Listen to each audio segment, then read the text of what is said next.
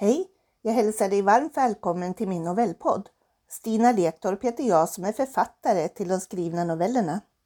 Du kan också följa mig på sociala medier, Facebook, snabela författare Stina Lektorp. Lämna gärna en fin kommentar om vad du tycker. Det sporrar mig att fortsätta lägga ut noveller som du kan lyssna på. Novellerna är ifrån 18 år. Den här novellen du strax ska få lyssna till heter Djurviskaren. Nadja var uppvuxen med djuren. De var hennes vägvisare i livet. En dag förändrades allt. Det var som att djuren gjorde uppror emot mänskligheten. Nadja såg med förskräckelse hur djuren attackerade människorna i sina hem och ute på gatorna och i naturen. Ingen gick säker längre. Det enda djuret som inte verkade ha påverkats utav vansinnet var hennes egen hund Troy. Han var en storvuxen leonberger som alltid fanns vid hennes sida och han fick komma och gå som han själv ville. Kanske var det just det som gjorde att han inte betedde sig som de övriga djuren, både tama och vilda emot människorna. Nadja behövde fler svar, men var skulle hon finna dem? Nadja packade en ryggsäck och begav sig till sin stuga långt upp i vildmarken i Alaska. Hon kände till naturen och vägarna väldigt väl. Hon hade tillbringat många somrar och vintrar där uppe bland bergen, vattnet och skogens alla djur. Hon litade på alla tecken naturen visade henne. På så sätt blev hon varnad om ett rovdjur fanns i närheten och om hon störde något djur som låg i födslovärkar. Nadja älskade verkligen att tillbringa sin tid där uppe och i den ostörda naturen. Medan hon körde dit bevittnade hon många attacker och fick själv uppleva att bli attackerad av skogens djur. Hon hade stannat bilen för att få sträcka ut benen och för att göra sina behov. Hon tittade sig varligt omkring innan hon vågade kliva ur bilen och hon litade på Trojs fantastiska luktsinne och hörsel. Troj gav inget tecken till henne att någon fara fanns i närheten när de hade stannat till. Och rätt som det var kom en björn springandes och fröstandes i full fart emot henne. Hon fick kasta sig in i bilen och hennes darrande händer försökte få upp bilnyckeln ifrån jeansfickan på hennes byxor. När hon rivstartade och körde ifrån den rasande björnen som försökte ta sig in i bilen genom att trycka med labbarna för att krossa hennes vindruta på bilen slog det henne att Troy inte hade varnat henne för faran som han brukade göra. Hon gav honom en förbryllande blick. Troy såg oberörd ut som om ingenting hade hänt nyss. Nadja började förstå att hon kanske inte kunde lita helt på Troy så som läget såg ut nu. Hon fann det oroväckande och blev orolig att hon skulle få behöva ta avstånd ifrån hennes älskade vän Troy. Nadja vågade inte stanna mera efter vägen och inte de bilar som hon mötte heller. Människor vinkade nervöst till varandra när de möttes eller kördes om.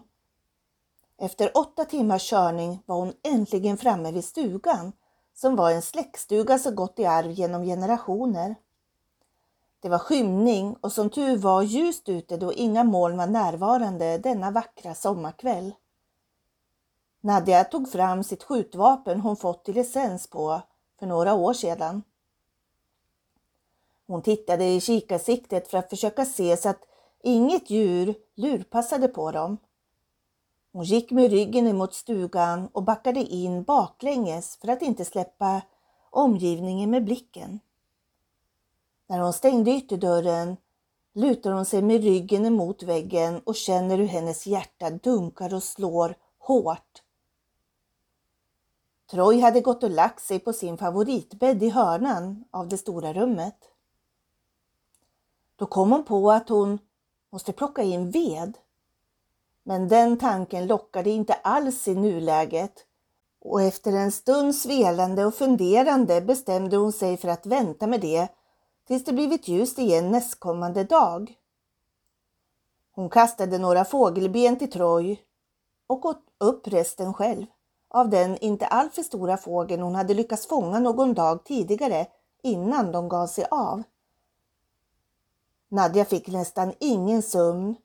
Hon låg och grubblade och tankarna var så många att de störde hennes sömn. Hon var orolig att Troy skulle börja bete sig som de andra djuren och anfalla henne i blint raseri. Hon sneglar på Troy som lugnt ligger och sover en bit bort i hörnet av stugans enda rum. Vad var det som hände och pågick egentligen?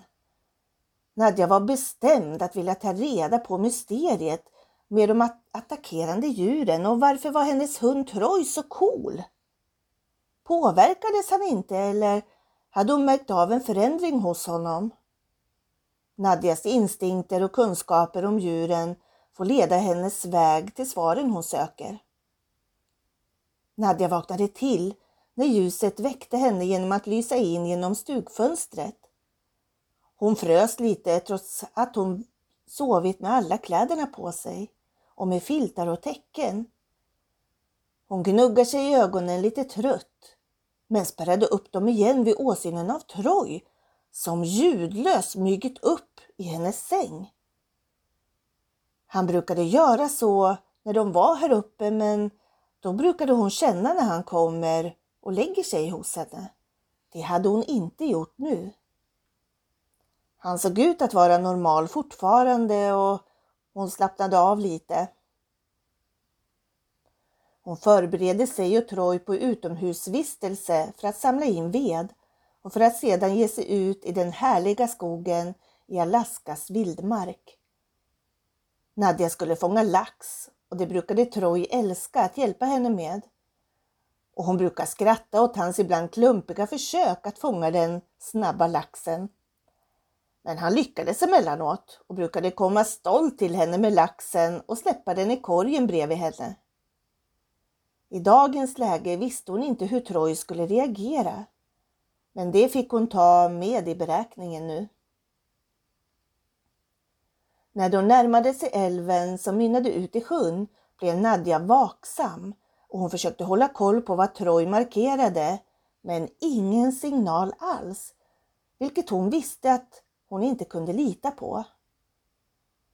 När hon trodde att de var i säkerhet och hon precis lagt av sig sin ryggsäck på backen hör hon ett ilsket frustrerande som får henne att vända sig om. Hon sneglar på Troy som brukade backa upp henne men som istället backade undan och lät henne ta det hela. Nadja blev förbannad och utan att tänka på det reagerade hon till sin egen fördel och ställer sig upp och skriker åt den stora älgtjuren och hon till och med rusar emot honom i skenutfall. Det ger effekt och tjuren tvekar och vänder om. Sedan vände hon sig mot Troy och skäller ut honom och frågar vad hans problem är.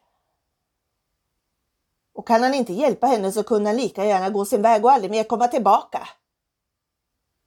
Troy vänder sig om och lämnar henne. Hon ser hur han går emot skogen. Nadja känner sig arg och ledsen och besviken på den enda trogna kamrat hon hade vid sin sida och som funnits där i vått och torrt. Hon grät tyst för sig själv. När hon var tvungen att fokusera på att fånga lax att hon behöll sin styrka. Nadja tyckte att även laxen uppförde sig aggressivt och hugg efter henne. Märkligt beteende, konstaterade hon frågandes. På kvällen hörde hon ett krafsande utanför dörren och hon tittade ut genom fönstret innan hon öppnade dörren och släppte in den lycklige Troy som kom med kvällsmaten. Han hade fångat en hare till hennes förvåning. Märkligt att han inte ville försvara henne längre, men komma med mat gjorde han i alla fall.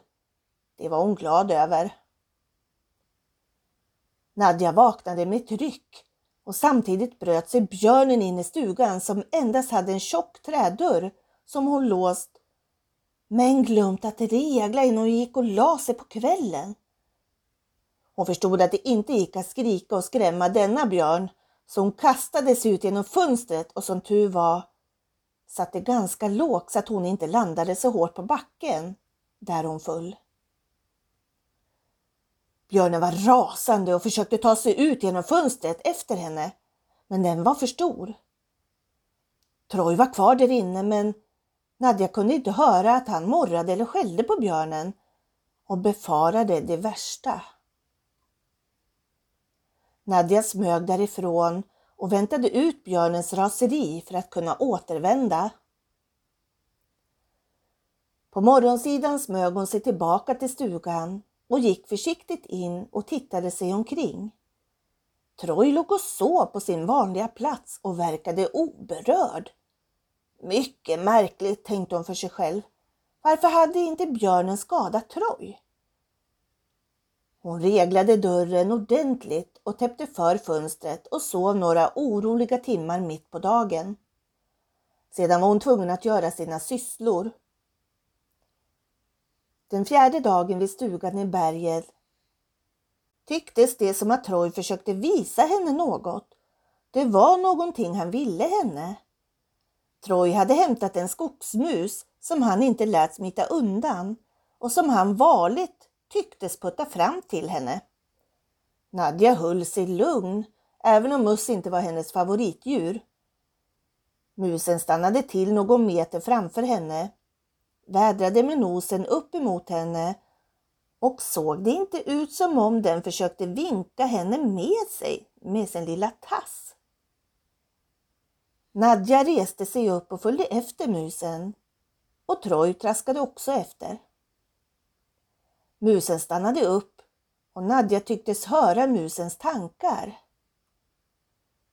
Djuren fightas inte med varandra längre, men med människorna som de är trötta på. Människor som tror de har rätt att göra precis som de vill med djuren utan att ens fråga om lov.